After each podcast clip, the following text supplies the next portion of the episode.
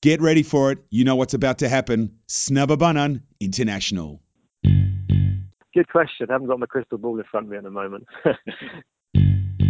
Hi, and welcome to the podcast Snabbabanan. Uh, today we have a very interesting guest, as always, actually, but today maybe even more so. Uh, it's the coach for one of the most high-profile female swimmers, or actually swimmers in the world right now, Sara Sjöström. And who am I talking to? Uh, Carl Jenner, Sara's coach.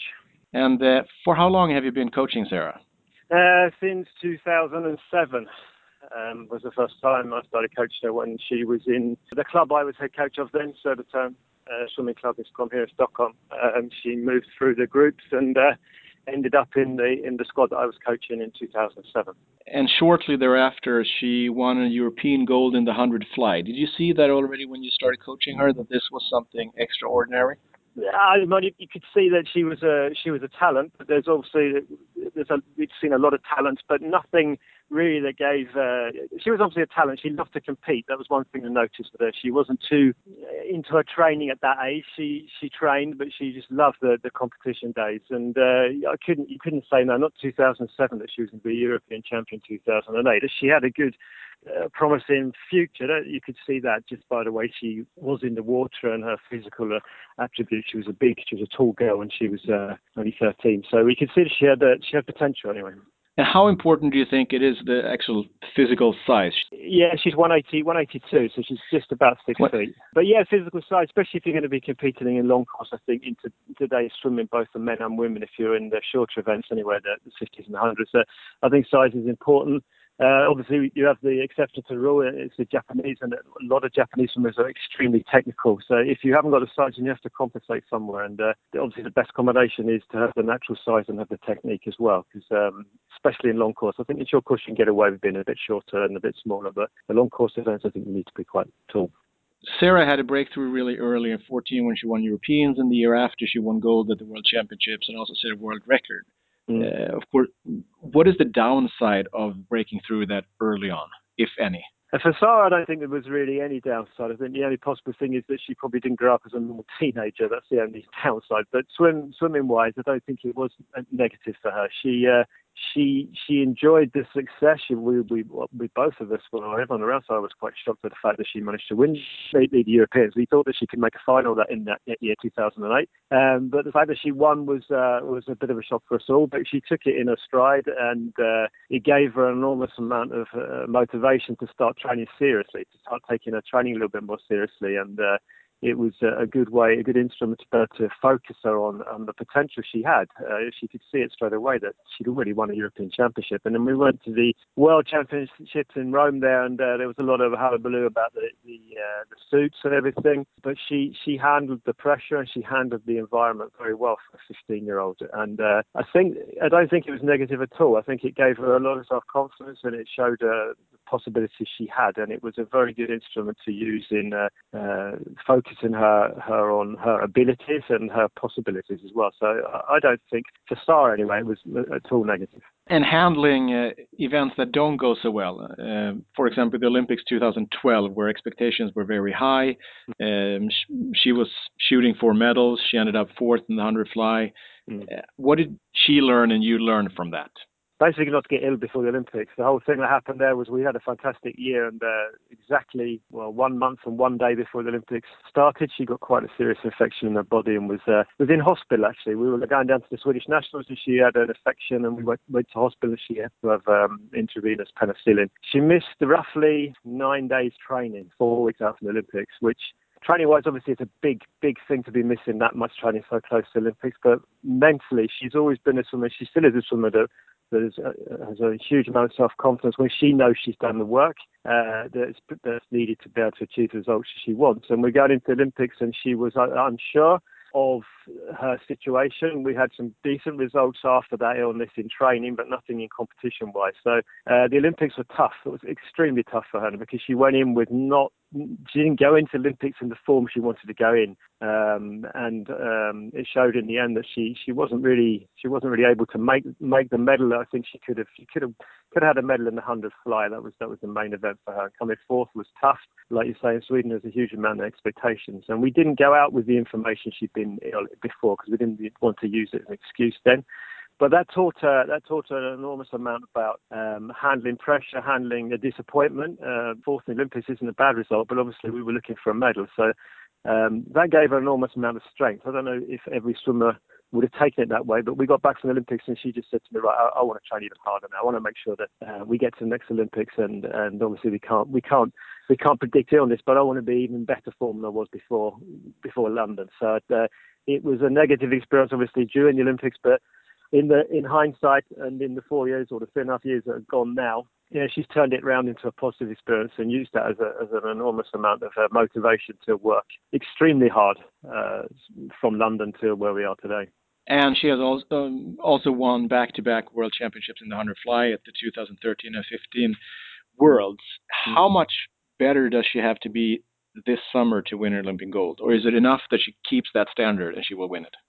I don't think I, don't, I think the question is about whether how how how how much better she has to be to win a gold. We both want her to be swimming. She wants to swim faster. Um, I wanted to swim faster. We both have uh, obviously a goal that we want to be swimming faster than she did in Kazan.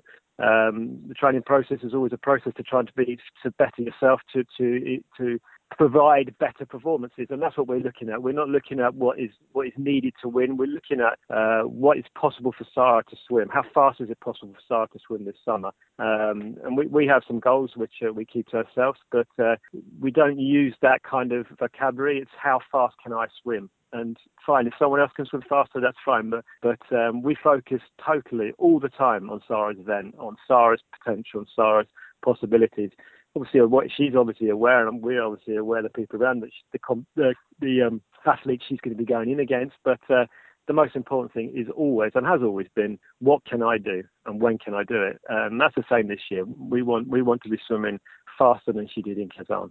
And obviously, your goal must be to win, or must be, it is to win the gold, right? The goals are to, to, to compete for medals. Um, we're going to the Olympics um, just like we did in London um, to compete for medals um, in several events. Obviously, the 100 fly is the is the first event for Sarah, and, and she is a fly. She's a butterfly. Um, she's a pretty decent freestyler and an okay backstroke as well. But butterfly is our number one event. Um, and the goals for this Olympics is to go and compete for medals in, in the fly and the and the freestyle events. And I think it's pretty interesting in a good way that you say that she's a pretty decent freestyler, uh, and she will be competing for medals at the 200 free at the Olympics, which she was not competing for at the World Championships last year. Why did you make the decision that she will go for the 200 free? Um, she's always uh, 203 has always been a good event for Sarah. We wanted to test something different now in Kazan to give her a chance to be able to be a bit fresher at the end of the meet. With the 200, the 100 fly goes first, and the 200 fly goes in the middle, and then she gets in and has to fight with the sprinters and the 100 and the 50 freestyle. And we also have a, a medley relay that is the last day of the um, course of the World Championships, and uh, and we wanted to give uh, Sara a bit more chance to be able to swim fast at the end of the meet. Um, that was the main reason. Uh, the reason why it's back in for the Olympics is because it was never really out. It's just we we we, we left it out of Kazan. Uh, it wasn't that she stopped swimming 200 freestyle. She'd done some decent 200 freestyles uh, in season last year, and also she took the start start um, uh, leg of our, our 4x2 relay, and, and, the time there was pretty okay. So she's she's always been uh, looking at all 200 freestyle has always been part of the plan, and it would be part of the plan for the Olympics. it's going to be a fantastic event. There's, there is uh, outstanding swimmers going in into that race, so it's going to be one probably one of the one of the top races for the for the women in, in the whole Olympics. If you can't pick Sarah to win the 200 free who's the most likely in your view? Well, obviously at the moment, Ledecky look pretty good. She's looking pretty good. Um, you've also got um, you've got there's so many, and you've got you've got um, um, Missy Franklin who will be coming back. You've Pellegrini has done some good times. I think Femke Heemskerk's going to be. She she's a, a, a very good 200 freestyler. Um, those, those are the names that uh, Allison Schmitt. You don't know where she is. She um, she's apparently back into a comeback. Um, the, the gold medal winner from uh, from London. So, uh, but I suppose at the moment you'd be looking at the Ledecky is producing times that are, are pretty fantastic this time. The 200 time in um, in Austin was uh, was good. Obviously, she broke the world record on on the 400, no, the 800, and she got quite close on the 400. So she looks pretty. I'd say now she'll be the favourite at the moment, but. Um, there's three or four other girls in there that are going to be that won't be too far behind, if not uh, maybe in front. You never know. It's going to be one hell of a race. And in the 100 fly, I think a lot of people see Sarah as the front runner. Who are the people that might beat her? Dana Vollmer? Well, obviously, Dana Vollmer's, uh, she, well, she got 57 3, 57 4 now in Austin. She's on a comeback trail and she's looking pretty good. Uh, Jeanette Ottesen is, is going to be there as well. She's uh, she's capable of going 56 point. Uh, you've got a young Japanese girl going 57 low. Um, so they're the names um, that are going to be in and around those medals. Uh, and um, they're all capable of swimming extremely fast. So even though Sarah's times maybe from Kazan were a bit faster than everyone else's, these girls are going to be stepping up, just like everyone will be for the Olympics. So uh, it's going to be any any Olympic final is going to be a tough race. It doesn't matter what, what Kazan what what Kazan results showed. We know that when we get to the Olympics, that every race is going to be tough. So it's uh, it's all about getting there in, in the best shape you can and, and, making sure you perform your races at the, at the best level you can, and then. Uh, I think that Sarah will be uh, able to compete in, in in in both the fly and the freestyle for medals. And she will be doing some relays, obviously, also for Sweden. What mm. relay do you feel Sweden has the best shot at maybe getting a medal? The relays are tough, obviously. We've been fourth in the uh, 4x100 uh, in two World Championships um, and managed to get a medal in the 4x100 medley in Kazan. But um, I think the relay results in Kazan maybe were a bit um, inconsistent. We know that the big nations will be coming to the Olympics with, I think, uh, better teams than they had now in Kazan. So the, freestyle relay, the 4 100 freestyle relay is pretty, pretty good team. I mean, the 4 by 2 is okay, the, the medley relay as well, but it's going to be extraordinarily tough for us to get medals. We're a small nation, we won't be able to um, put, um, we haven't really got enough swimmers to be able to change too many swimmers to, from a heat to a final. So uh, it's tough to compete against the big nations when they can put in, some can put almost uh, four new girls in the evening, but uh, um, the, the, Swedish teams are going to be there and thereabouts. Once again, they're going to be competing for obviously first to get to the final. But well, if we're in the final, then we're going to be we were too far away from medals, and uh, you never know in the relay relay events. Obviously, there's a, a chance of uh, people slipping up along the way. Mm. But we're going to be we're going to be pretty competitive in all three, I think. Ni vet att vi tycker om att föreningar tjänar pengar. Det enklaste sättet att tjäna pengar, vad är det? Jo, det är att sälja lagkassens produkter. Välkända varor från varumärken som folk faktiskt vill ha, inte sånt som man känner sig kanske lite tvingad att köpa. Så det absolut enklaste sättet, och det är verkligen det enklaste sättet, att tjäna pengar för klubbar, föreningar och skolklasser, det är att ta kontakt med lagkassen. Gå in på lagkassen.se eller skicka ett mail till info.lagkassen.se så lovar de att ta hand om er så att ni tjänar mer pengar än någonsin förut.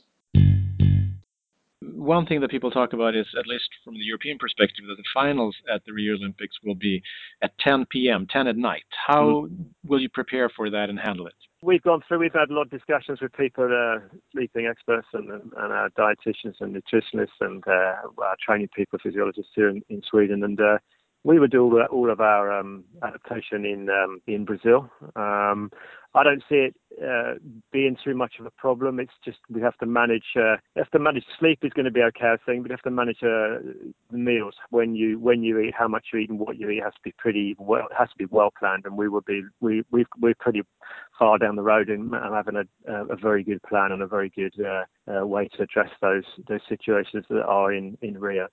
I don't think that if you don't make a big big thing about it, I don't think it has to be that big. We would we would do adaptation and we would, would make sure that our swimmers are ready and uh, I don't see that as a problem. Um, the swimmers are very positive about the situation. They're very excited about getting Brazil, and they don't really see it as a problem either. I think we we uh, we can handle that situation well. Preparing for the Olympics, training wise, right now, how much do you change this year compared to last year? Do you copy everything, or what do you adapt, if anything?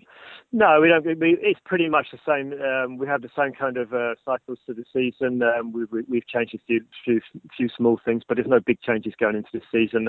We had a good season last year when Sarah was um, asked to perform and when we had our target events she performed very well and the training worked the training cycles and the training process worked well towards those those events that we targeted as uh, priority, priority events. And we were we were follow roughly the same plan as we did uh, last year. It won't be exactly the same but uh, it's not going to change too much because we had a, we had a very successful year um, obviously in the competitions but training wise she had a very good year. And right now in the mid February where in the cycle are you right now? What does a normal week look like when it comes to swimming and, and dry land? Yeah, at the moment we're in a pretty heavy heavy part. We've got uh, another couple of weeks left of a pretty. We're in some pretty high meters uh, weeks, um, a lot of aerobic based swimming, um, a fair amount of strength training as well. So we're in a pretty tough, uh, tough period for swimmers right now. Um, we will come out of that in about mm, where are we one and a half weeks time, and then we go into a competition in uh, Marseille in the beginning of um, beginning of March, uh, and then we'll be going over some more race pace and race adaptation for to be able to swim reasonably fast here in Stockholm in uh, in the beginning of April at the Stockholm Open. Right.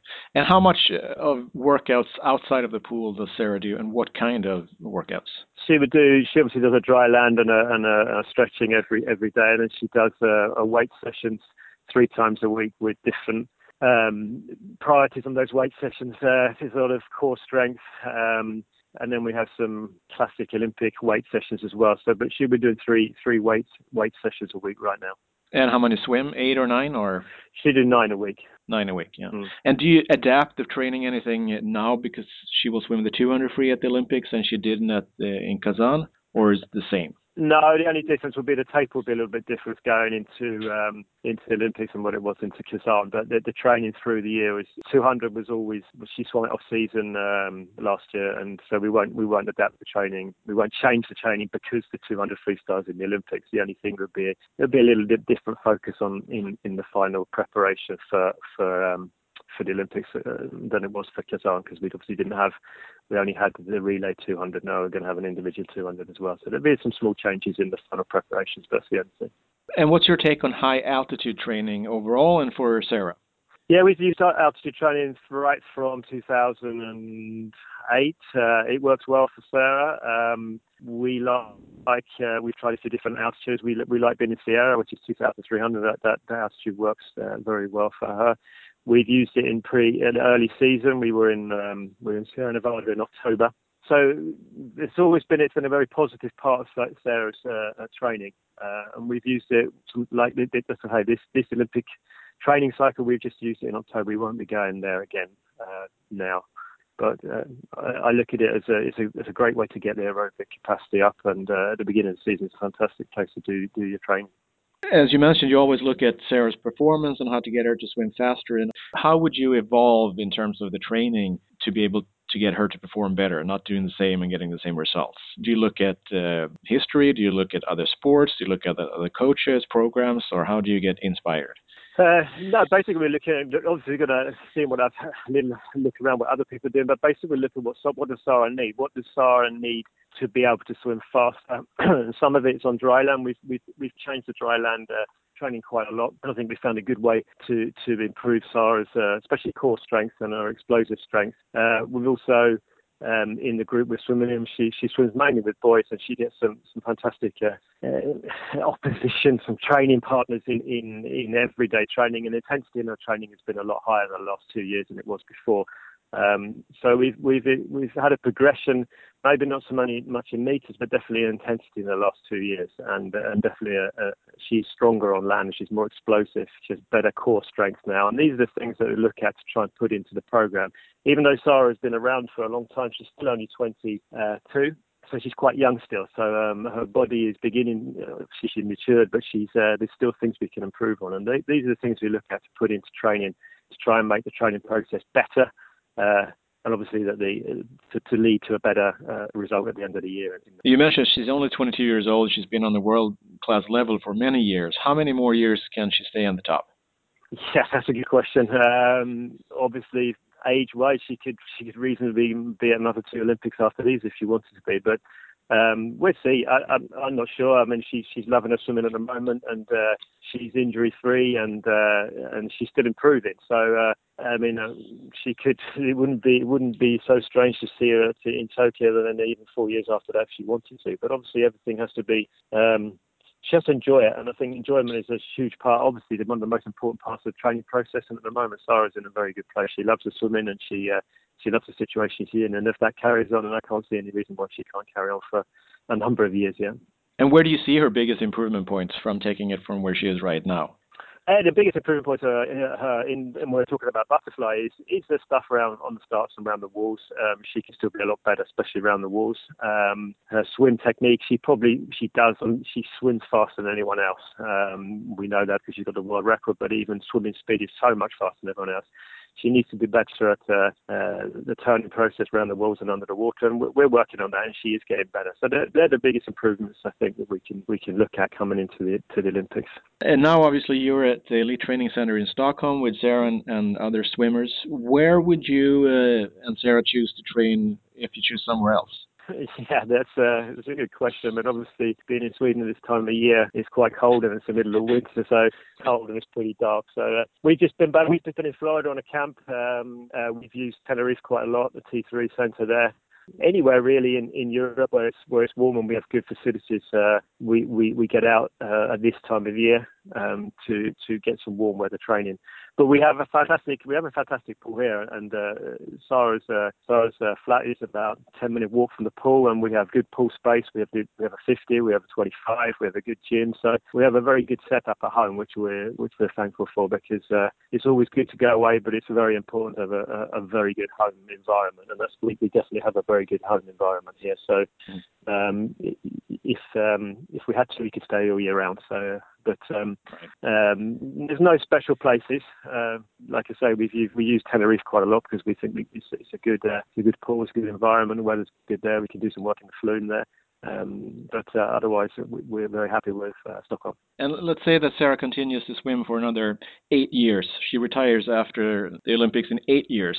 Uh, mm. How fast would she have gone the 100 fly by then? yeah, that's a good question. good question. I haven't got my crystal ball in front of me at the moment.